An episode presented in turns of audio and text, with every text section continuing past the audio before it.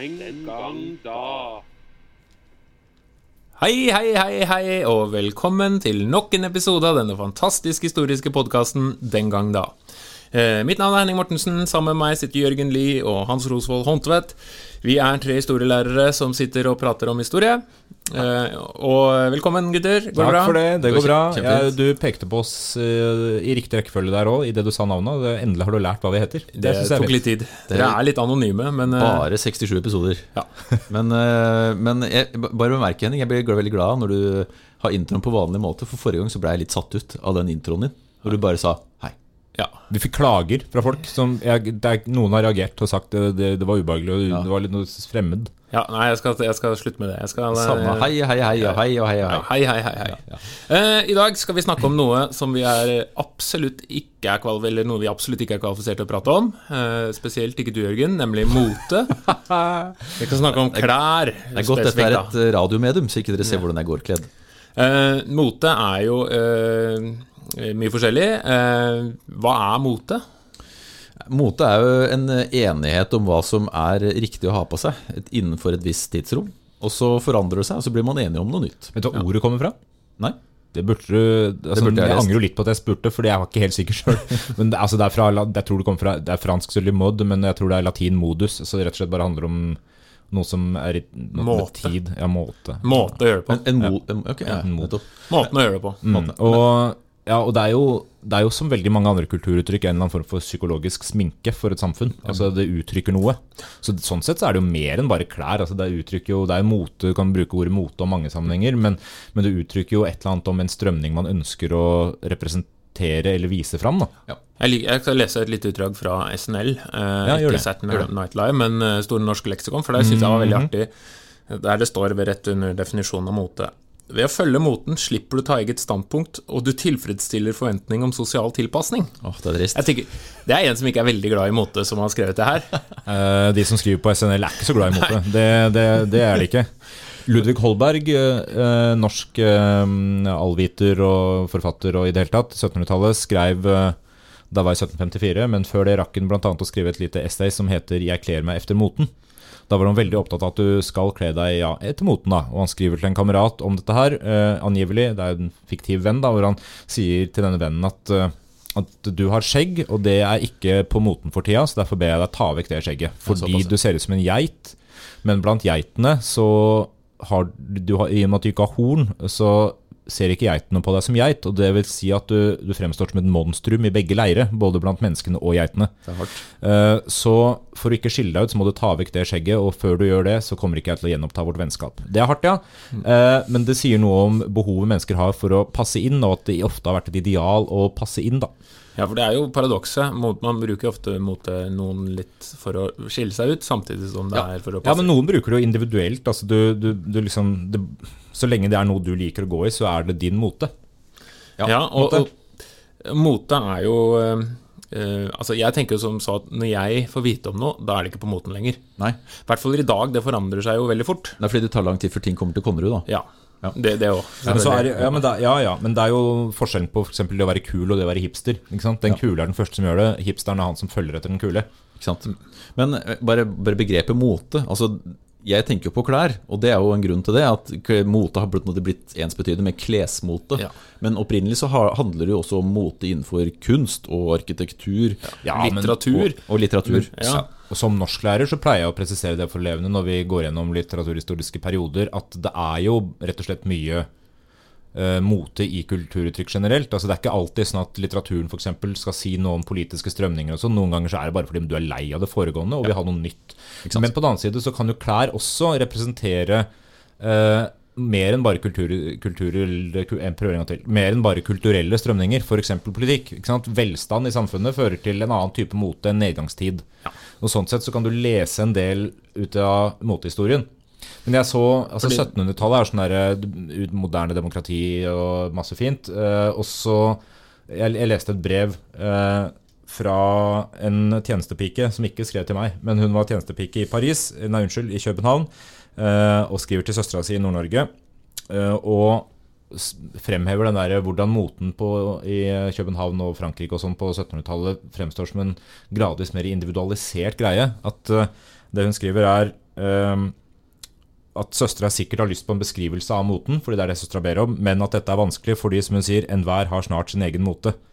Og at uh, det, er, det er et uttrykk for en sånn Ja, man bruker klær veldig selvstendig for å fremvise noe, i hvert fall måte i det moderne samfunnet. Det er ikke sikkert alltid har vært sånn, for det krever en viss form for velstand å Ja, få det til. Men Kan jeg bare hekte på den? Fordi mote forandrer seg og er mye mer aktuelt hvis du har mye penger. Mm. Altså De som eh, historisk sett har hatt mindre penger, eh, har selvfølgelig færre muligheter til å variere hva du skal ha på deg. Ja. For må ikke glemme, altså klærne, Siden vi snakker om klær, har jo sin den primære funksjon til klær er jo ikke fryse i hjel eller bli stekt av sola. Altså, det er jo å Ja. holde uh, været ute. På en Ja. måte, Det er jo det, men så blir det jo fort en mulighet til også å vise at man har velstand, eller vise en eller annen tilhørighet eller rang, eller noe sånt. noe. Ja, Men så ser man også det, da, at eh, i, gjennom historiske dokumenter så forandrer moten seg raskere der det er mye penger. Mens f.eks. mote, hvis man skal snakke om det, i eh, naturfolk, altså folk som lever eh, jeger- og sankersamfunn, så er det jo ikke noe snakk om mote på samme måte. For da har man, Mote har man rett og men slett det er ikke jo- muligheten til å forandre det man har på seg i større grad. Nei, men det er jo Det kan jo være litt fristende å fjonge Det jo- opp lendekleden sin litt. Og, ja, eller, men det er jo, ja. Man har jo Lage obskure hull eh, på, på skinnene, f.eks. Men Men da er det jo mer kanskje at man pynter seg med annen type staffasje. Da. Altså, Ja, det er- Smykker og tatoveringer og sånn. og Det er jo også mote. Men det, ja, det som er sjeldent, er jo muligheten du har til å skille deg ut. Ja. Så Ja, for det handler jo ofte da om tilhørigheten, altså overgangsritualer. Du snakker om tatoveringer, arrritual- Mm. hvor man markerer på kroppen tilhørighet, gjerne Mm. eh, til og med at man kan markere familiemedlemskap og Ja. sånne ting gjennom tatoveringer og, og så videre. Eller, altså, eller bare altså, Ofte så har det jo også vært et, et ideal om at du skal tåle smerte. Ja. Så en del type det som kalles scarification eller, eller tatoveringer historisk sett har jo også vært der for å vise at dette er en type som tåler mye smerte. Ja, en Mm. Var det derfor du tok eh, tatoveringer, Henning? Ja, fordi det er tøft, ikke sant? Mm. Det er eh, du og Hans. Du har tatovering, du har? Ja, jeg har tatovering. Eh, Men- men- det, står, eh, det står Henning og Jørgen på ryggen. Ja, men dere tok jo tatoveringer i en tid hvor eh, ikke alle andre tok det. Så nå, nå, nå er dere en del av mengden. Hvor gamle tror du vi er, da? Jeg var 17, kanskje. Det Jeg var på sjø, det var jo på sjøen i 67, og jeg var i København da, vet du. I ble misbrukt av Erik Bye. Jeg tok tatovering for å minnes det. Men ingenting er jo en større floskel enn å si at jeg tar tatoveringer for å skille meg ut. eh, Fordi eh, man Nei, jo starte Du tar ikke sånn det. tri tribal-tatovering for å skille deg ut. Det, det ligger i ordet at det ikke er for å skille deg ut, men for å tilhøre en stamme. Det er fortsatt litt tøft, da. Men da du, da du tok tatovering, Henning, var det mange som tok det? Eh, jeg vet, jeg vet, var mange, jeg vet ikke. Du, det var- jeg, jeg- jeg var nok ikke først ute med. Nei, Jeg skal ikke skryte på meg det at eh, jeg var tidlig ute, men eh, Du tok det tidlig 2000-tall. ja. Det var jo en del som tok tatoveringer Ja, det det, Det, det Det var sikkert motriktig. Det var tøft, da. Det var ung og skulle ha Håper Jeg jeg syns skille meg ut. syns Det fortsatt dere er, er veldig tøffe. har Jeg er ganske kul fyr. Ja, ja, det- Jeg har ikke tatovering, men masse arr. Og det, det, det får ikke Det, det, det Eh, ja, men uh, for å hoppe tilbake til historien. Når, uh, når begynte man med mote? Har man noen tidlige spor på altså, Ja. La oss si Jeger-samlersamfunnet man alltid har vært opptatt av Man har jo kledd seg. Altså, når man begynte å kle seg det, Og da mener jeg på en måte ta Altså på man seg spiste klær. eple i Edens hage, liksom? Ja, ja, ja, ja, men i bibelsk myte så begynner man jo å ta på seg klær idet man finner ut at man er naken. Og Det handler jo om at uh, man må i historisk sett funnet en forklaring på hvorfor i all verden har vi på oss klær. liksom, Hvorfor skiller vi oss fra dyrene. Men i realiteten så er det fra ca. 170 000 år siden så begynner man å ta på seg klær. Fordi man på den tida også begynner å vandre nordover fra sørlig sørlige Afrika og inn i kaldere strøk, og man trenger å dekke seg til for å holde varmen, som du sa i stad. I tillegg så er det jo en sånn eh, ja, Kanskje det holder sammenheng med at man begynner å bli litt mer eh, eh, Det handler om kognisjon, kanskje. At man begynner å få behov for å skille seg ut fra andre grupper og sånn. ikke sant? At, eh, Eller å være en del av samme gruppe? ja, ja. Jo da. Begge deler. At samme gruppe kan kle seg på ja. samme måte? At det er et uttrykk for noe. altså det både, beskyttelse og pynt. da. Skoen for øvrig. 25 000 år siden. Ah. Men var det for, Ja, ok. Faren min har sko som er eldre Enn det? enn det. Det er mange år uten sko. Ekkosko. Ekko, ekko holder, Ja. og de, de går som et gjenklang gjennom historien. Men for Jeg stilte jo deg spørsmålet eh, når vi pratet forrige uke. Mista man eh, Begynte man med klær fordi man mista håret, pelsen, eller begynte, mista man pelsen fordi man begynte med klær? Jeg mista håret da fordi jeg hadde mye lue i ungdommen. Ja, Det, Men- ja, det var derfor, ja. Jeg var ofte i lys lue, men det er fordi faren min var pyroman. ja, okay. ja. Men eh, ja. Eh, som har begynt med klær for rundt 170 000 år siden. Ja.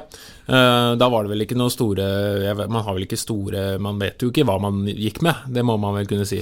Nei, men, det, funnet yeah, nei, men har jo hm, Øtzi, denne Ja, steinaldermannen som er funnet, Han er ikke så gammel, men ikke man, an, nei, det er ikke, men man antar at moten Altså Det er litt rart, da, men man antar at det han hadde på seg fordi, fordi han er bare 6000 år gammel, sånt, men man antar at det han holder på seg, heller representerer en jeger-sankerkultur enn et jordbruksfenomen. Men han, men, eh, men han eh, Der snakker, vi noe sminker, sminke, han hadde tatoveringer, så vidt jeg vet. eh, Og, og det, er, det er snakk om enkle skinnplagg.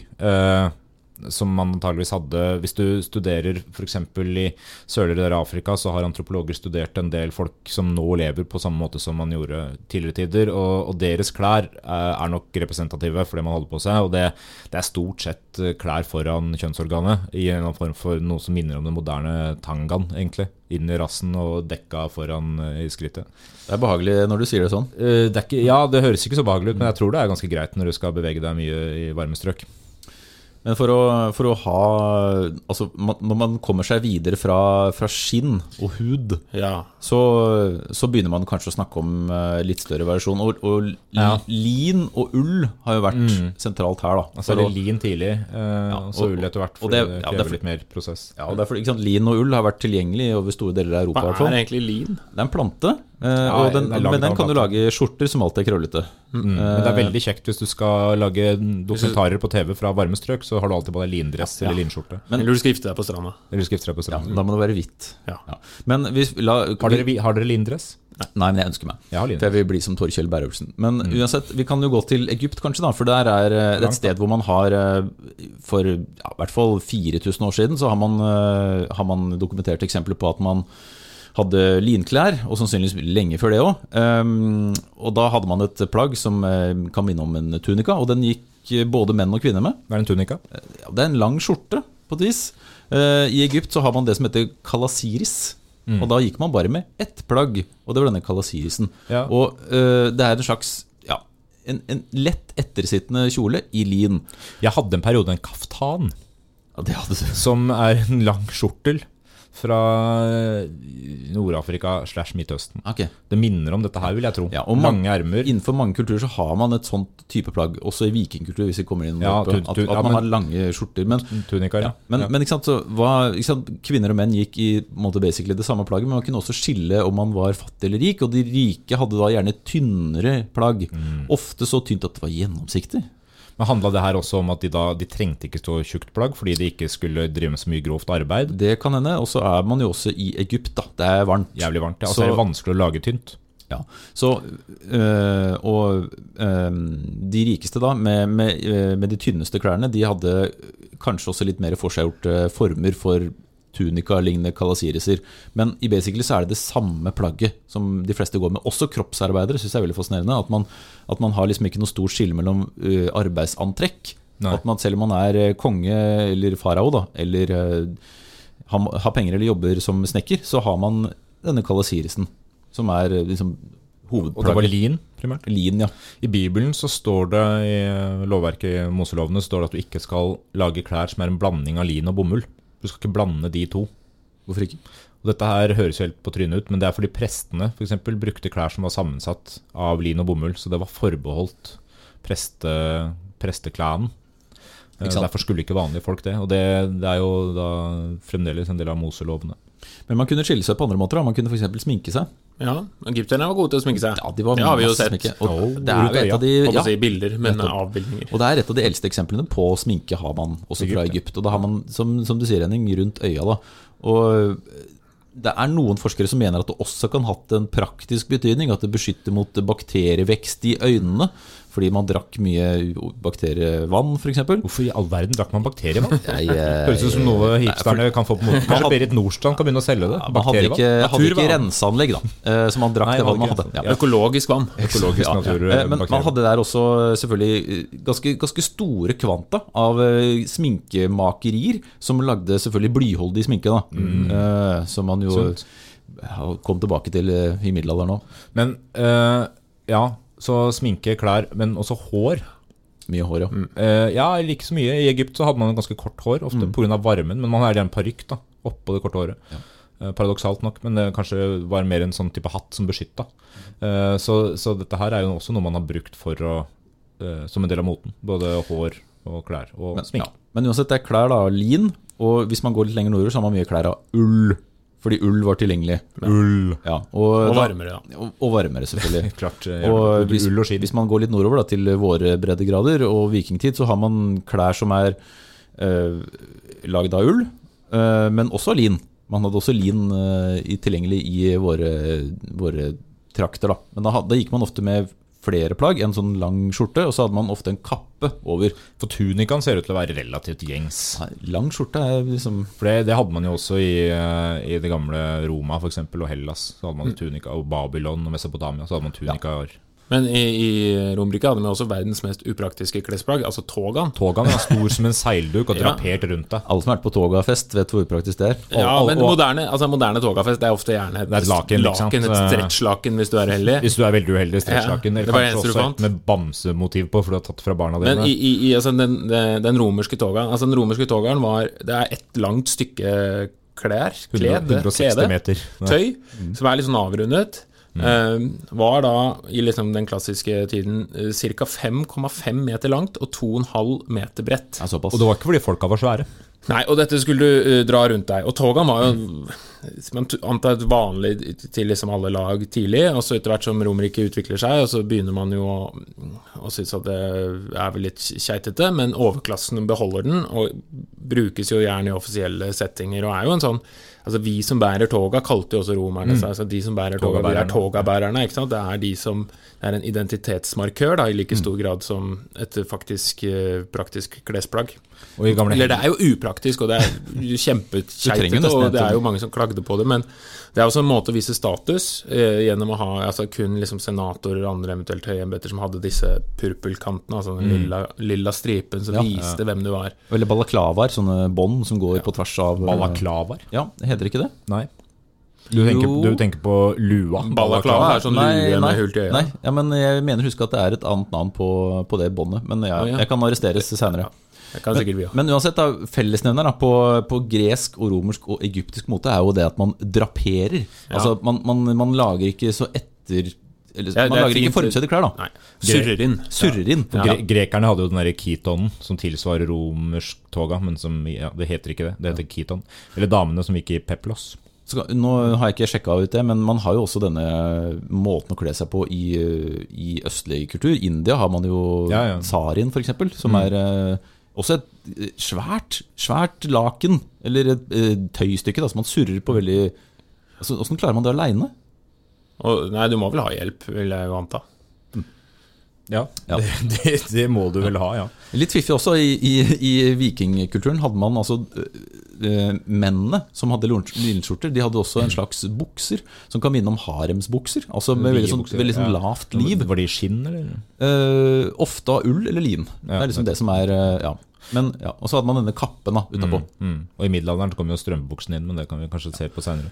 Men i Roma så er det jo, når man drar på togafest forresten, eh, og så kan kvinnene være det bevisst at de ofte var det stort sett prostituerte som brukte toga.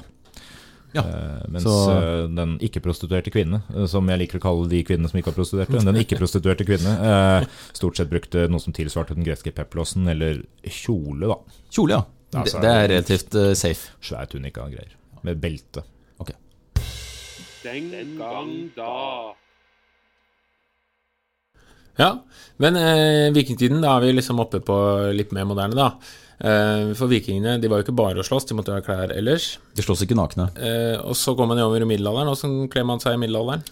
I Europa altså, nei, Da beholder man stort sett tunikaen, og så får man seg noen strømpebukser. Eh, og så altså er det jo sånn at Nylon, eller?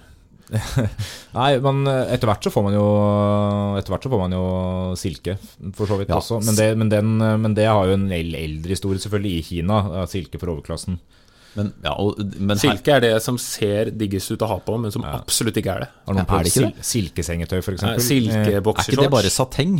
Ja, Er det ekte silke? Jeg vet ikke. Jeg vet ikke. Men, men silke, altså, silke er jo noe som er overklassens plagg. Og det er jo fordi at For det første så var det helt umulig å lage det sjøl, fordi kineserne holdt på hemmeligheten. Det var ikke lov å, å fortelle hvordan man lagde silke av silkeormer, da, som var stort sett Men nå var det også stort sett overklassen i Kina som brukte silke. Vanlige folk brukte Ja. vel hamp. Ja, det var ikke mye silke der, nei, eh, for, eh, val- for allmuen.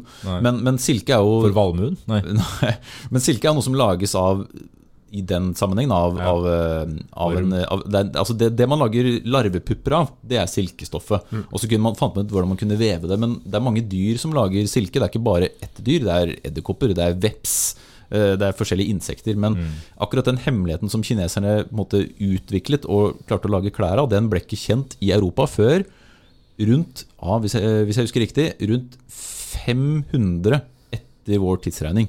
Så Da kom noen- ja, da noen munker klarte å stjele med seg noen silkeormer i det bysantiske riket. Ja. Og da uh, forsto man sammenhengen Eller man, jeg vet ikke om man hadde forstått det før det, men da hadde man, ja, så hadde man i hvert fall produksjon av silke i Europa etter det, uh, med Italia som et veldig viktig punkt fra 1000-tallet omtrent. Så gikk de rundt med ukomfortable boksershortser. Det, det skal vi Gnukka testiklene mot hverandre. ja. Eh, Men, liksom, ja. men bondemoten var neppe silkebasert. Nei. Der var mye ull. Nei, da var det som, mye brunt. som det står i en norrøn saga, gram kyrtli og kuitum leistbråk, som betyr grå skjorte og hvit strømpebukse. Ja. Leistbråk, altså lestsokk, og bråk, ja. bukse. Sokkebukse, eller strømpebukse, om du vil. Ja, nettopp, ja. Ja. Leistbråk. Så middelalderen var trist på mote og som Det var, eh, det var brunt, vet du. Det var ikke så mye farger. Hvordan farga man klær? Ja, man har jo de, altså i hvert fall i Norge da, og i våre, så er det jo de man har tilgjengelig i naturen, og det er brunt og rødt og Ja, oransje. Ja, ja, Altså det ja. som kan farves av eh, Eller jeg tenker liksom Rødbeter hadde man vel som kulturplante tidlig, da kan man lage lilla. Ja, og jeg vet jo også at man har brukt gammel urin. Mm. Hva, hvilken farge blir det? Blir det blått, da, tror jeg? Nei fordi, nei, fordi blått hadde man jo ikke. Blått var en sjelden farge. Ja, jeg vet at, men jeg vet at Kan det bli noe annet enn gult, da? Altså Det er rart om urin blir blått. ammoniakk, da. Jeg tar fader, jeg. Sjekk det ut. men, men blått var jo en, prøv, prøv det hjemme. Se hva som skjer. Ja, Piss på blått var noen en klær, la det som- ligge.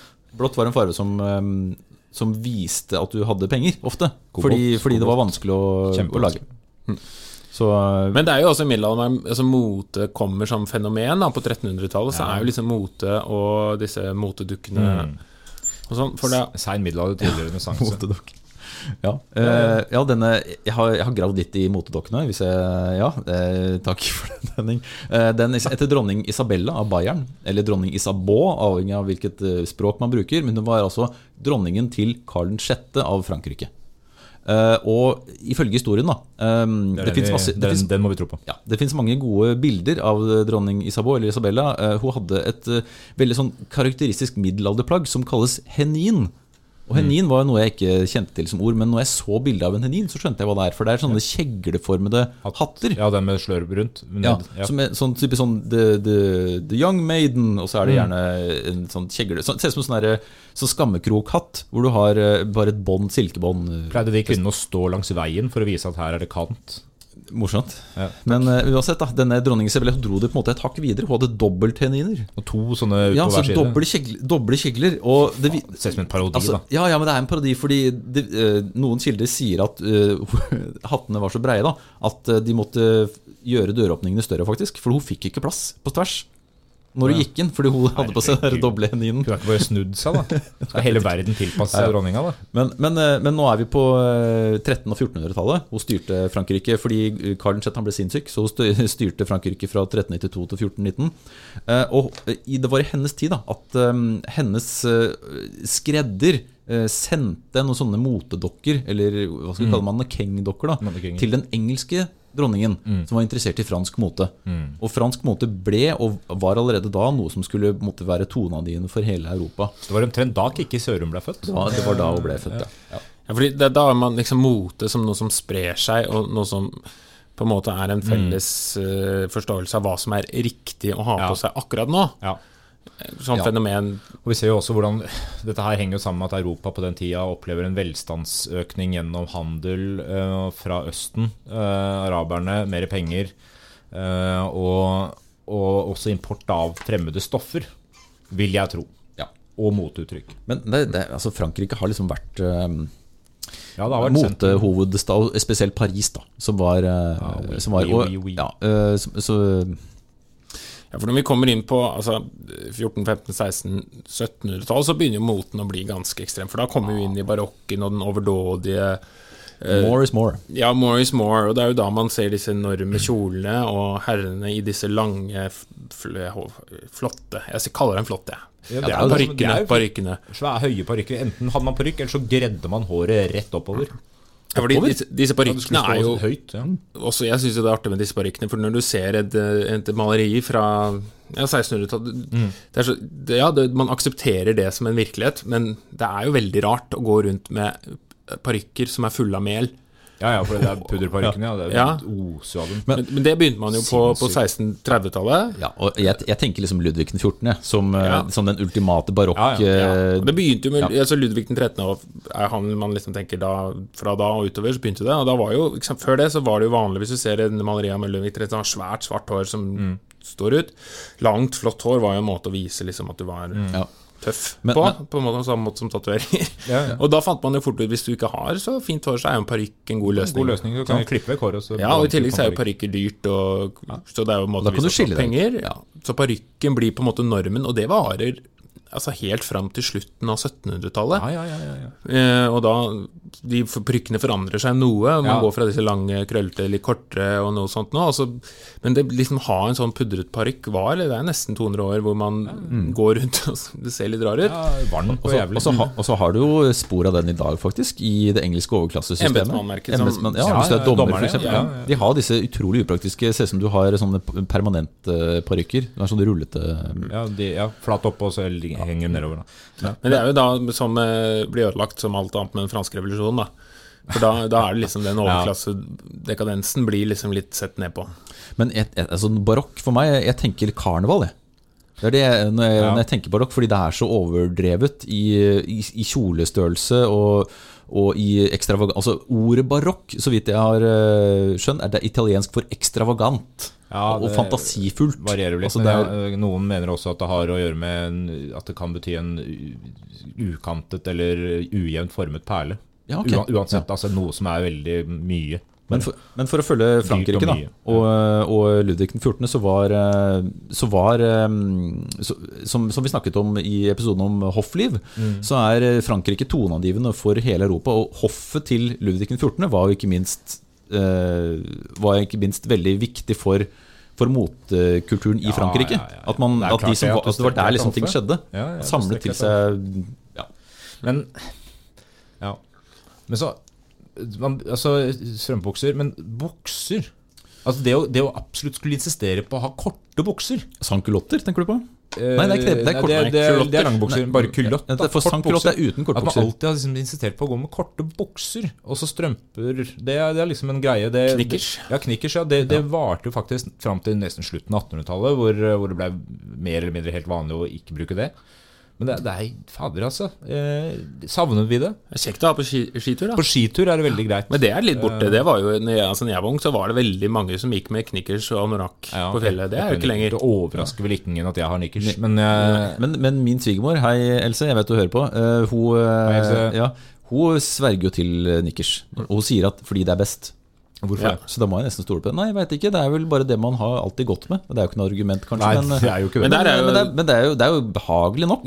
Men man begynner jo da, sankulott som du sier, å slutte etter fransk, i løpet av fransk revolusjon og distansere seg litt fra dette aristokratiet og overklassen og den gamle dekadensen. Og utover 1800-tallet så blir jo mer og mer normalt det vi tenker på som sånn normal dress. Ja.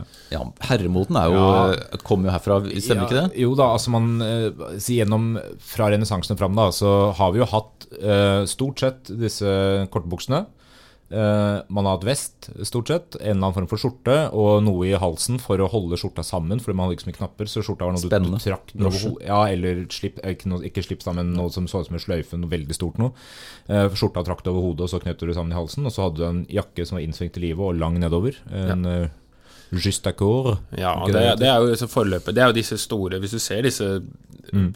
kongene og Ja. sånn, maleriene fra Fra 1600-1700 så ser du disse stå med disse store, overdåde, nesten kjolelignende frakkene. Dette er jo forløperen til det som er, vi kaller kjole og hvitt i Ja, dag. ikke sant? Fordi Altså det- disse snippene som henger ut bak. Ja, fordi man har jo beholdt da et, etter, hvert da på 1800-tallet så fortsetter den moten her for så vidt. og Man har, har, men så begynner man med forskjellige antrekk avhengig av når på døgnet det er, eh, og hva slags type selskapelighet det er. ikke sant? At du, du har kort jakke da og da, og så har du lang jakke på Dette er kvelden jo, videre, ikke sant? dette er jo fortsatt vanskelig. Ja, og så, men etter hvert, sånn etter 1900, så, så særlig i mellomkrigstida, så ser man at eh, det glir stort sett over i at alle begynner å bruke den vanlige korte jakka. Altså det som i dag er dressjakke. Og det er da liksom den moderne dressen egentlig har fått Ja. sin utforming. Og smokingen, da, som er den mellomtingen. Men Ja. for det, det, er, det er svært sjelden det er kjole og hvitt i bryllupsinvitasjoner i dag. Det er dårlig gjort å invitere til. Ja, det er dårlig gjort. Ja, men, men ja, kan vi bare sveipe innom 1800-tallet? Jeg syns jo det, det, det det, der. Det som vi kaller viktoriansk tid, da. Ja. Et, etter dronning Victoria, som satt i 3600 år på tronen.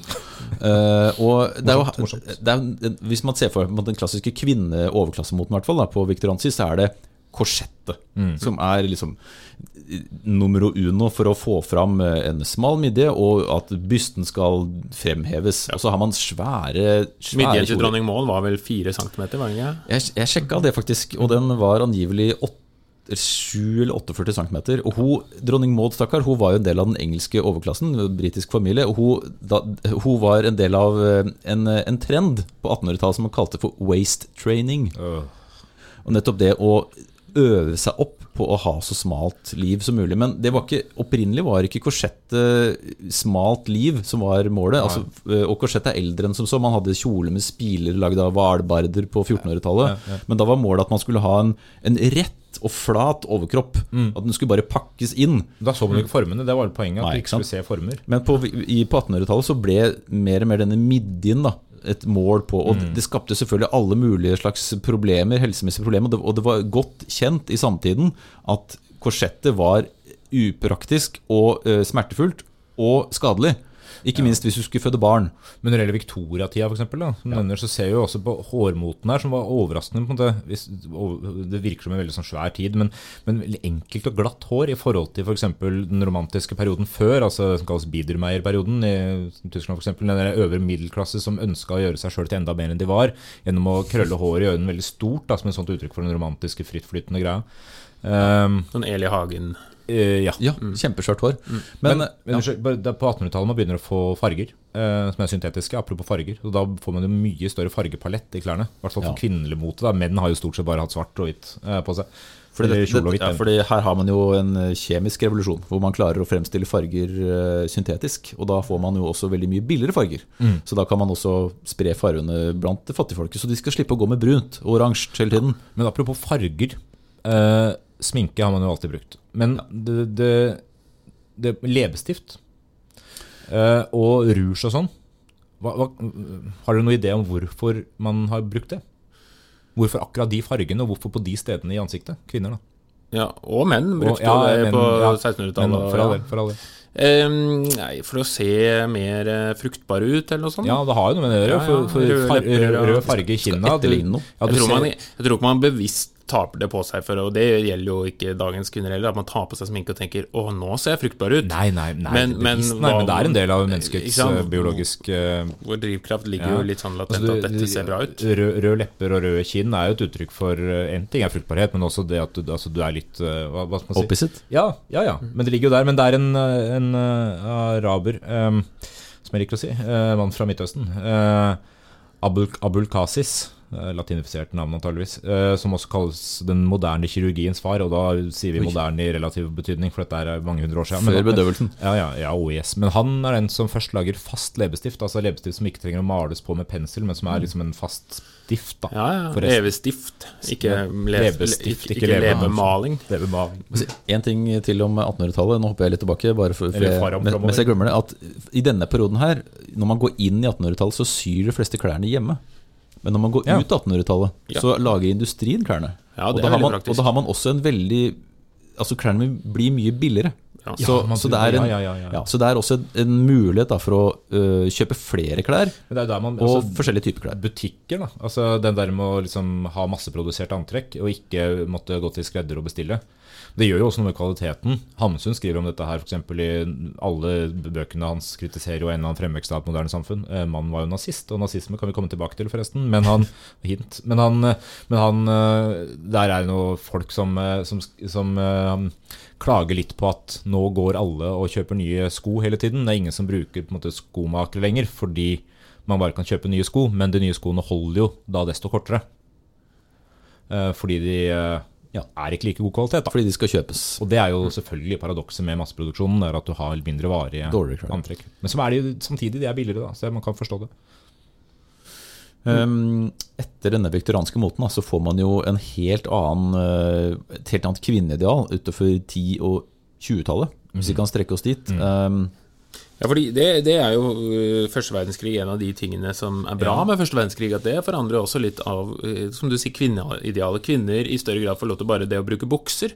det er mer sosialt akseptert fordi man i, i, gjennom sitt arbeid i fabrikken, veldig upraktisk med så mye kjoler og sånn der, også på en måte har litt vist sin verd da, i krigsinnsatsen for mange da, og derfor får jo også politiske rettigheter, men også sosial og kulturell utvikling. ja, og, og, dem, Kortere skjørter og alt Ja. dette her kommer jo også inn som og mange av dem jobber jo uh, i, som du sier da, i fabrikker i første verdenskrig, og når første, første verdenskrig er ferdig, så fortsetter mange å gjøre det. Og da har de plutselig en egen personlig økonomi, ikke underlagt øh, mannens økonomi. Og da får man også Dette sammenfaller i det man kan kalle the roaring twenties, hvor man har først ferdig med krigen, så ferdig med spanskesyken, og så får man en slags frislipp da, av øh, no, Samtiden vil kalle det frislipp av moral. Fordi, øh, fordi Vi ser man- jo fram til Roaring Twenties nå som Ja, eh, ja, ja. koronaen ikke Ja, sant? ikke sant. Men, men, men motebildet blir radikalt forandra bare på ti år. Fra å gå fra disse svære viktorianske kjolene, så blir det, så blir på en måte it-jenta blir en,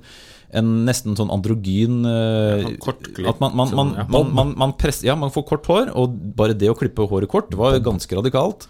Også, Men det er lurt også, hvis du skal jobbe i fabrikk. ja, men også klemmer man brystene flate, og man lager ikke formsittende klær. Man legger lange altså, um, skjorter som måte ikke skal fremheve midjen og formene lenger. Og så har man uh, kjoler som er mye kortere. Og, og, ja. det, og det blir på en måte symbolet på, på jazzjenta da, i, på 20-tallet. Det man eh, et, med datidens nedsettende begrep ble kalt for flapper. altså at, at man, man har eh, Og det betyr egentlig ungfugl som ikke kan fly, som bare flakset i vei uten å komme noe sted. Flott! Men, og det var liksom samtidens eh, moderne kvinneskikkelse. Og samtidig går menn i dress. Ikke sant? Alltid. Men kan jeg jo da få fortelle en liten historie om, om Coco Chanel? Mm. Fordi det passer så fint inn her. Fordi hun er jo en av de uh, som uh, Lager de dyreveskene? Uh, ja, klær og parfyme. da Og hun slår seg på dette. Hun er jo fattig i utgangspunktet, født i 1883 allerede. Uh, tilfelle noen trodde var yngre enn det. Jeg vet ikke hvorfor jeg sa allerede. Og hun starter jo å produsere klær. For, altså hun får kontakt med en eh, familie som heter Wertheimer-familie. Er En jødisk familie i eh, Paris. Og så begynner hun å produsere klær, egentlig før første verdenskrig. Så de, skredd, de, de, de produserer stoff, og hun begynner å designe klær. Og de, støtter henne til å starte sin egen butikk. Eh, og hun slår seg opp da, i forbindelse med første verdenskrig eksempel, med kvinnemote. Og, og blir populær. Eh, og de bidrar også til at hun kan få lov til å begynne å produsere sin parfyme i 1923. Egentlig et separat firma. Er det nummer fem, eller? det er Chanel nummer fem, og den ble jo relativt populær. Eh, det er jo også hun som eh, for litt av æren i hvert fall må slå spikeren i kista for korsettet. Slutt med det. I tillegg til at hun også eh, introduserer konseptet solbading. Altså det å få brun hud for overklassen. Som et sånt fritidssymbol. ikke sant? Du har tid til å ligge på stranda. Um, For tidligere så var ikke brunfarve noe som var status. Nei, det skal var arbeiderne ute. at Den frigjøringa her innebærer jo selvfølgelig også at på samme tid så er det greit for kvinner å ligge på stranda i litt mindre klær. Ja, og, og her? Man har også utviklingen av BH-en. Kommer jo også Ja, på det tidspunktet der, hvor riktig. Istedenfor som erstatter korsettet, så kan Ja. Mm. du heller ha BH, og, og man får strømpebukser av nylon. Ja, og man har begynt med undertøy. Oi. For det, bare til det sagt, det har jo ikke kvinner brukt tidligere. Man hadde jo ikke undertøy på den måten tidligere. Noe som for øvrig førte til mye sykdom i skrittregionen når man ikke vaska seg, men gikk med med lange kjoler ute i møkka, Ja. i gater med gjørme fra middelalderen og framover. Kan jeg skjønne. Uh, ja. Uh, men nok om det. Uh, men hun, Coco Chanel, blir jo en del av Europas sosietetsliv, noe veldig òg, sammen med Picasso og Churchill og hele gjengen. Det er ikke så ofte jeg sier de to i samme setning, men Picasso og Churchill er eksempler på noen hun omgikkes med. da. Men så eide hun bare 10% av dette foretaket, som denne den familien Wertheimer eide sammen med henne. Og så begynner hun å utvikle nazisympatier på 20-tallet, og begynner å omgås eh, en eh, frem... Nå I stad da jeg snakka med Henning om det, så sa jeg ved en feiltakelse fremragende nazist. Jeg mente fremstående. Eh, Det hørtes feil ut å si fremragende, men Og finner ut at hun er litt sånn bitter på denne familien som har reid så mye av hennes hennes virksomhet at hun ønsker å ta igjen på dem. Eh, og de er jøder, så derfor blir hun støtter av nazistene mer og mer. Og ikke bare det, hun blir spion for Nazi-Tyskland. Ikke Dette her- mindre. Dette visste ikke jeg om Coco Chanel før jeg eh, Det skal jo sies at jeg kanskje ikke har visst så mye om Coco Chanel, da. Men eh, hun ble spion for Tyskland i Spania i 1941 um, for å ta hevn på denne Wertheimer-familien. Det klarer hun ikke. Eh, De klarer seg greit eh, etter forholdene. Eh, Og etter krigen så blir hun ikke dømt for noe. Eh, Man mangler bevis, til tross for at hun ble avslørt som spion allerede i 44. Da. Men det mangler Nova Coco Chanel. ja, det har litt å gjøre med det òg, at f.eks. Churchill likte henne og sånn. Så etter krigen så, så er det ikke så mye mer med henne en stund, frem, fram til 1954, hvor hun slår seg opp på nytt. Eh, og får gjøre et comeback og blir en del av Europas sosietetsliv igjen, også i motebransjen, eh, med hjelp fra samme Wertheimer-familie. Som tydeligvis ikke var spesielt bitter av seg, og så døde hun i 1971. Men interessant figur. Veldig. Eh, ikke formfigur, var ikke det du mente? Nei. Men hun er vel også kjent for Den lille sorte? Stemmer ikke det? Ja. Det er, eh, Kjolen, tenker du på? Ja, Eh, altså den, den, måte, den som skal være i ethvert klesskap. Den som passer til alle anledninger. Har deres kone en liten sort Ja, ikke sant? kjole? Så det er det, Ja, det, er det sant. den. Jeg spurte har kona di en liten sort kjole. Oh, ja. Uh, ja, det tror jeg. Henning? Uh, Si ja. Jeg, jeg sier ja. Ja, jeg, Ingunn og jeg tror jeg har kjøpt den til min kone. Jeg tror Det er jeg som kjøper kjolen hennes. For jeg har best smak. Unnskyld, uh, kjære. Uh, men jeg er, jeg er glad i estetikk, da. I motsetning til kona di. Nei, nei, nei. nei, nei, nei. Ja, hun har jo valgt meg, så noe galt er det jo. Ja, eh, for da er vi etter andre verdenskrig. Eller ja, kan vi Er vi der vi er kommet? Du har lyst til å si noe om Hugo Boss Ja, ja, ja, først er i gang krigen. Altså, Nazistene var veldig glad i mote. Ja, men ikke bare nazistene, fascistene òg. Det derre sprang, prangende og spradende eh, italienske motuttrykket som fascistene drev med, med hele hana oppå hjelmen, liksom, eller hatten. Eh, Det holder å se på Allo Allo, han italienske Fuglehatten. Ja, ja, men de hadde jo sånne fjør, ikke sant? Og det er jo selvfølgelig en throwback til eh, Cæsar og hele greia der, men, men det å De var glad i skinn. men ja, ja, de var glad i skinn, Ja. og Gestapo brukte svarte antrekk og sånn, ikke sant, og eh, bla, bla. Men, de, men det er jo noe med den derre eh, Hva skal man si rett, altså, Hva heter det? Eh, propagandaen som ligger i klær, da. Det, å, det å fremvise seg på en sånn type måte, og for nazistene f.eks., så blei det kjempeviktig, fordi det å vise overmakt gjennom klær skulle symbolisere denne høyreiste mannen, ikke sant? Ja, for det begynner jo med svartskjortene i, i Mm. Italia. Den der, altså Uniformeringen og symbolikken og symbolbruken og pins og dingser og danser. Alt Ja, for å ja, vise ja. på en måte tilhørigheten. Og, er veldig viktig. Og du, der kommer du inn på Hugo Boss, ja. Jeg kom inn på Hugo Boss fordi eh, nazistene begynner å, begynner å eh, se behovet for å produsere stilige uniformer. ja for det skal jeg også si, De første SA-uniformene var jo gamle Ja, østerrikske Ja, de. Det var gamle østerrikske tolleruniformer. Ja, ja, ja. Så, så man begynte å Men man får et man, man, Er det der brunskjortebegrepet kom fra? Eh, Ja. I- Er det ikke det? Jo, Jo, SA. Ja. Men man, eh, men man har jo eh, Jeg trodde det var supporterlaget til Mjøndalen. Ja, det er bruntrøyene. Ja, uheldig. Ja, ja. uansett, uh, har dere sett propagandafilmene til Lenny Riffenstahl? Riefenstahl? Jeg har sett noe. Faen, altså det er, det er jo veldig estetisk flott. Ja. Det, du skal si mye rart om nazismen, men det er sans for estetikk. Uh, uh, Hugo Boss han er en ukjent skredder i Tyskland eh, på 20-tallet. Um, og bare, noe jeg ikke visste, men som jeg fant ut her jeg drev med research, var jo at eh, i motsetning til alt det andre jeg har sagt i dag, det, alt det kunne jeg fra før, men akkurat det her visste jeg ikke, og det var at Tyskland var på samme måte som Paris et veldig sånn fremstående sted for mote på 20-tallet. Det var mye bra mote der, og, og hvis du går tilbake til eh, motemagasiner og sånn der, så finner du stort sett tysk mote, ikke bare fransk, da, og noe som forteller at her var det bra greier. Men Eh, hvem var det som drev med klesbutikker i Tyskland? Det var stort sett jøder. Ja. Og nazistene ville jo kvitte seg med dem. Så eh, det er f.eks. Magda Goebbels skal ha sagt at uh, når jødene er borte, hva skal jeg ha på meg da? Ja, det er et Det er kjempeproblem. et kjempeproblem. Hugo Boss, tilbake til ham. Han var ukjent skredder. Uh, egentlig ufaglært, hadde ikke noe særlig å bjuda på i det hele tatt. Gikk konkurs i 1931 i forbindelse med børskrakket, men ble da også medlem i nazipartiet. Og det hjalp en litt, fordi det er han som etter hvert fikk jobben i å ikke å designe, faktisk, men i å produsere uniformene. Og tjente greit på det under krigen. Eh, den, For det var mange uniformer. det var ja, det var mye Ja. uniformer, og de var forskjellige. Og Goebbels og, og um, Himmler og sånn hadde mye de skulle ha sagt i hvordan de så ut, disse uniformene. De hadde masse ideer om uniformene. Himmler brukte sjukt mye penger på klær.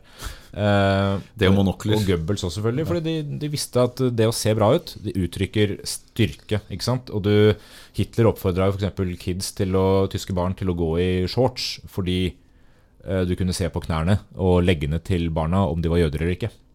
Eh, ah, ja. Så okay. det er avslørende. Ja, det var nytt for meg. Eh, Jeg har ikke klart å se det. Men, eh, men Hugo Boss blir altså produsent av disse klærne, uniformene. Men eh, etter krigen så, så dør han i 47-48. Eh, Det får ikke noe særlig represalier, dette her. Han, eh, han er jo bare en av mange eh, sivilister som må bidra til industrien, så det er vanskelig å liksom peke noen finger der. Eh, Etterkommerne hans slår dette, denne businessen opp som et ekstremt stort mot, motehus. Eh, De skjønner f.eks. at navnet Hugo Boss er jækla stilig. I hvert fall på engelsk. da Huge kan- boss. ja, ja, men på engelsk så, så viser det seg at boss er et kult ord, fordi du kan liksom Du er sjef for din egen, din egen stil. Og Og, tror tror du det var populært på Vestlandet, dette Hugo Boss? morsomt. Ja. For våre vestlandske lyttere der, det betyr søppel. Det, det, det, det er humor. Eh, men så uh, kom de Altså, de uh, La oss bare si det på en pen måte. De kom i skade for å glemme sin egen historie som produsenter av uniformene. Eh, så de ville ikke gjøre så mye nummer ut av det. Uh, fram til det kom fram på 90-tallet, f.eks. at de hadde brukt slavearbeidere til å produsere alle disse uniformene. Var det, Eh, var det gærent? det var gærent, ja. Så i, ja. i retrospeksjon så er det galt. Så da måtte de s- face den, da. Eh, Men det har jo ikke knekt dem. Men, men poenget er det at det å sverte navnet til Hugo Boss ved å si at mannen som egentlig ikke eh, har så mye med selve firmaet etterpå å gjøre, for han, det navnet de brukte, er jo ikke Altså det, det er hans navn, men han var ikke designeren, liksom. Han, eh, det er ikke han som bygde dette firmaet opp. Men, men det å få det ryktet på navnet uh, ville jo knekt hele businessen. Så, så det har vært veldig viktig for alle disse motehusene å også å fronte nettopp merkevaren, og det er her moten som måte stor business uh, viser seg. da, Det at du selger ikke klærne, du selger merket. Eh, hvor mye er du villig til å betale for en uh, parfyme eller en dress? Jo, Det kommer helt an på hvem det er som står som eh, produsent av den. For kvaliteten kan jo være bra, men trenger ikke å være det. Nei, og det, det kommer til et visst punkt, fordi jeg funderer, jo altså når Ja. folk kjøper vesker til 50 000. Ja, ja, ja. Den er jo ikke 50 ganger bedre enn en veske til 1000. Nei, men du kan få ripe på glasset på en Rolex-klokke òg. Ja. Men Her, er man jo, inne i kapitalismen, at folk Altså, den er verdt det folk er villige til å betale for den. ja, vi bruker fortsatt klær som identi Ja, vi identitetsmarkører. Da. Vi prøver å fortelle hvem vi er gjennom åssen vi ser ut. Og selv om logoen kanskje står godt igjen på innsida, de riktige folka ser likevel hva slags uh, antrekk det er. De ser at den jakka er derfra, de ser at den veska er derfra. Ja. Um, Og de er jo ofte snedige til å sette logoen litt sånn ikke sant? En uh, polospiller på skjorta eller Er du Ja, jeg syns jo det er tacky å ha logo som syns. ja, ja du er ja. Eh, Men- men- Louis, Louis Vuitton det er umulig å unngå, for hele veska lyser jo. Eh, han er den eh, Louis Vuitton på 1800-tallet, så vidt jeg husker for øvrig. eh, den første som lager kofferter av et sånt materiale som er vannavstøtende, som gjør at du kan slutte å ha runde kofferter. For man hadde runde kofferter på, som man stabla på bak på hestevognene, fordi da, da datt vann, rant vannet av. da, Det ble ikke liggende og trakk gjennom. Men det er jo noe, for alle som har prøvd å stable runde ting oppå hverandre, så er ikke det så lett. I hvert fall ikke hvis det skal ligge med den avrunda sida opp, da, og det var jo poenget. Så firkanta Louis Vuitton-kofferter hjalp på frakt. Jeg bare lurer på, Henning, er du opptatt av merker? Eh, Nei, det er jeg ikke. Jeg, altså, ikke på klær. eh, klær. Nei. Jeg kjøper kvalitet, men jeg er ikke så opptatt av merke. Det er ikke alltid jeg kjøper kvalitet heller, forresten. Jeg går stort sett bare med hjemmelagde T-skjorter, så jeg vet Ja. ikke hva de du vet ikke hva Det er barnearbeid i dobbelt forstand. For det er ofte det, er, det, er, eh, det, er, det du har, er vel gjerne sånne sweatshop-T-skjorter fra Eiendom som Maurits som barna dine har sydd på i ettertid. Så det er dobbel barnearbeid. Dobbelt barnearbeid, faktisk. Du utnytter både indiske og egne barn. Eh, Det er hardt. Jeg husker jo det som ung, da, altså når man var liksom 12-13, så var liksom merkeklær det var liksom litt stort. Du skulle ha merker. Fordi det er jo, ikke sant, som du, vi snakket om innledningsvis, det å prøve å passe inn og det å Men samtidig skille deg ut. Det er Ja. det som er den uh, magiske formelen. Ikke sant? Du, skal, du skal passe inn, du skal være akseptert, men du skal også være liksom en som skiller deg ut med det alle andre har. Ja, på mystisk vis. Men hva, hva skjer etter krigen, da? Skjer det noe etter krigen? Ja, altså vi, det, Hvis vi skal gå eh, kjapt Det er en ting som er verdt å snakke om, som jeg syns er jo eh, Altså Det er jo litt sånn antimote, men som allikevel er veldig motete, nemlig hippietida. Altså hvor man 70-tallet, Ja, ikke sant. 60-70-tallet, hvor man aktivt kler seg litt slubbete for å aktivt vise at man ikke følger strømmen. Men samtidig er jo det en egen strøm. Eh, Nettopp. er. Alt det, det er sånn som jeg kler meg, men det er sånn eh, uniformering som, som har et ønske om ikke å være en uniform. At du Ja, ja, ja. ikke sant? Man skal være litt sånn uh, Alle skal skille seg ut, men du skal skille deg Og så kommer jo diskoen og sånn, som er jo veldig motsatt, Ja. med veldig utprega moteriktig og hva som er mote. Mm. Så kommer på 80-tallet, hvor moten er, helt, moten er helt fantastisk og superbra. 80-tallet, da er vi jo egentlig over tilbake i barokktida. Ja, ja, det er more is more. Ja, men det er jo igjen, da. er Ikke sant? Jappetida, det er forbruk, og det er eh, Du skal vise på en måte velstand også gjennom mote på 80-tallet. Det det er jo et gammelt uh, gammel myte, er det det, som sier noe om skjørtelengden og økonomi, er det ikke det? Jo, kort sånn, skjørtelengde altså, tilsvarer kort skjørtelengde tilsvarer gode tider, lange skjørtelengder er dårlige tider. Ja, det er rart det der. Jeg vet at, uh, apropos det her 90-tallet er forresten bare flanell. 90-tallet det er flanell, ja. 90-tallet er en minimalisme- og hverdagsperiode. eh, Bortsett fra hår. Altså Alle skulle ha The Rachel-sveisen. Ikke gutta, da. Vi hadde sideskill eller midtskill med sånn, med sånn gardin foran. Altså Men Friends er jo, altså serien Friends, eller Venner for livet, da, som den jo heter på norsk, er jo, er jo veldig, var jo veldig toneangivende for 90-tallet og 90-tallsmote. Jeg så mer er på det fortsatt? Jeg så mer på Pizzagjengen. Pizzagjengen, ja. Og Twisted Sister. ja. Jeg så på Silke. Dere Jeg så veldig mye Hud, eh, filmen til eh, Jeg hadde, bare, jeg hadde bare NRK, så jeg lurte alltid på hvordan, eh, hva, hva slags serie Pantertanter var. Ja, for det så ikke du. Du så de synes, Nei, det var TV 2, det. Eh, Hva så du? Offshore. Jeg så Dagsrevyen. Urix og Bjørn Hansens mote. Ja, men det som, er, det som er fint med mote, det er jo altså når man er oppi det, sånn som man lever, så tenker man ikke altså man har, Kanskje noen har et mer aktivt forhold til hva som er moteriktig, og hva moten er, og sånn.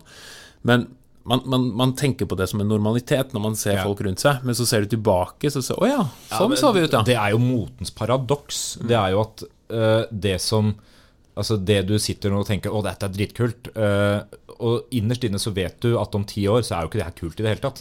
Og det er kult nå fordi det ikke var kult i fjor. Og det, det er akkurat det samme argumentet. Men jeg har en onkel som sier at dressen hans den har vært eh, populær tre ganger. den Ja, sånn Eh, 70-tallet Ja, det er jo bare å beholde dressen, så kommer han til å komme tilbake igjen. Mer eller mindre, da. Bortsett fra altså, andre verdenskrig, eh, lite penger, eh, spare inn på det man kunne spare inn. Da kutta man i eh, opprett på buksene. Dressbukser hadde brett før, eh, sånn brett nederst. Det slutta man med under andre verdenskrig for å spare inn på stoffet. Utrolig mye stoff du kan spare på å bare la være å produsere bukser med brett. Eh, jeg vet at uh, kvinnene ikke kunne ha altså Det var, det var noe med nylonstrømpene og sånn som gjorde at man uh, måtte ha sånn faka man, man hadde ikke råd til strømper. Uh, så kvinner tegna søm på leggen. Så det skulle se ut som de hadde strømper på. Men men etter krigen så blir det jo litt mer sånn altså, Da får du disse litt fyldige skjørtene igjen og sånn. da, og Fordi Ja, men- du skulle Og timeglassform og det er Ja, men, men og det fint. her har man tilbake til husmorideal. Da. Det er jo noe av grunnen. At eh, man, man er tilbake til Egentlig i kvinnemessig, da, i et lite tilbakesteg. I hvert fall hvis man sammenligner med 20-tallet. Delvis. Men på 60-tallet får man jo bukser, vanlig for kvinner, mer og mer. Ja, og miniskjørte og Ja. Twiggy og hele den Etter hvert altså bikini og flotte. Hvis du skulle velge hvilken motetidsalder du skulle helst levd i, hvem Nå. hadde vært? Nå, ja. Men det, ja, men det er jo eh, mote. Eh, nå. Eh, jeg har jo en sånn fascinasjon for eh, 60-70-tallet. Ja, altså, for all del. Ja. Ser, har dere sett, hvis dere ser Mad Men, så har jeg jo alltid lyst til å kle meg sånn. Men Ja, jeg er er mer, fordi jeg har lyst til å jeg- røyke på kontoret. Ja, fordi du har whisky. lyst til å stå i dress på kontoret og røyke og drikke whisky. Jeg har lyst til å ligge i gjørma og høre på rockemusikk. Du, du er gris. Vi er eh, veldig forskjellig forskjellige ja. der. Du har lyst, ja, ikke sant. Ja, ja, være på Woodstock og Jeg tror, Jeg, jeg det tiltrekkes jo også av hvit T-skjorte og skinnjakke, så 50-tallet, kanskje. Ja, rockestil på 50-tallet Ja, jeg må innrømme det. er kult. Ja. T-skjorte, forresten, US Navy. Eh, 1919 eller noe sånt. De begynner å, rundt første verdenskrig. De begynner å, med T-skjorter. Eh, før det så var ikke T-skjorte noe folk brukte. selv Eller det- A-skjorter. det var veldig upraktisk. Veldig spiss oppå. A-skjorte. Ja. Det, 2000-tallet, global eh, mote kommer først. Fordi alt er så Alle er Og, er- ja, du får trommer, og du skal gå i batikk, og så skal man bruke dreads og, og hva heter det uh, Men alle gikk jo ikke i dreads Nei, nei, nei, nei, nei, men noen begynner med det. Men hva har skjedd nå? Jo, nå har det jo blitt det mange mener er et uttrykk for kulturell appropriasjon. Hvis f.eks. hvite europeere bruker rastafletter. Fordi du låner andres uh, moteuttrykk. Å ja.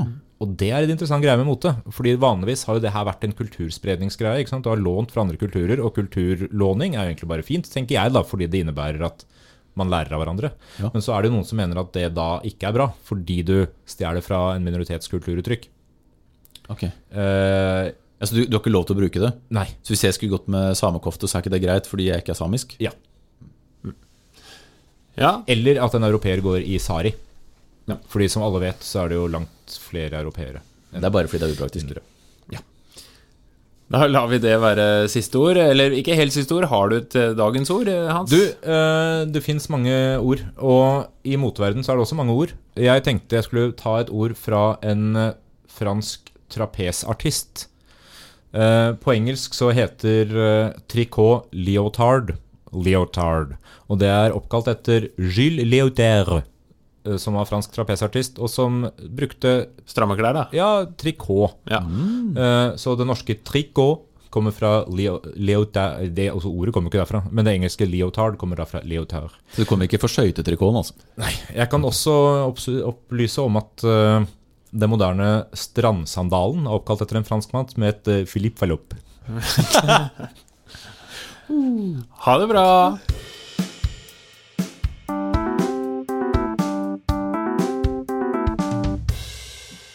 Den gang da.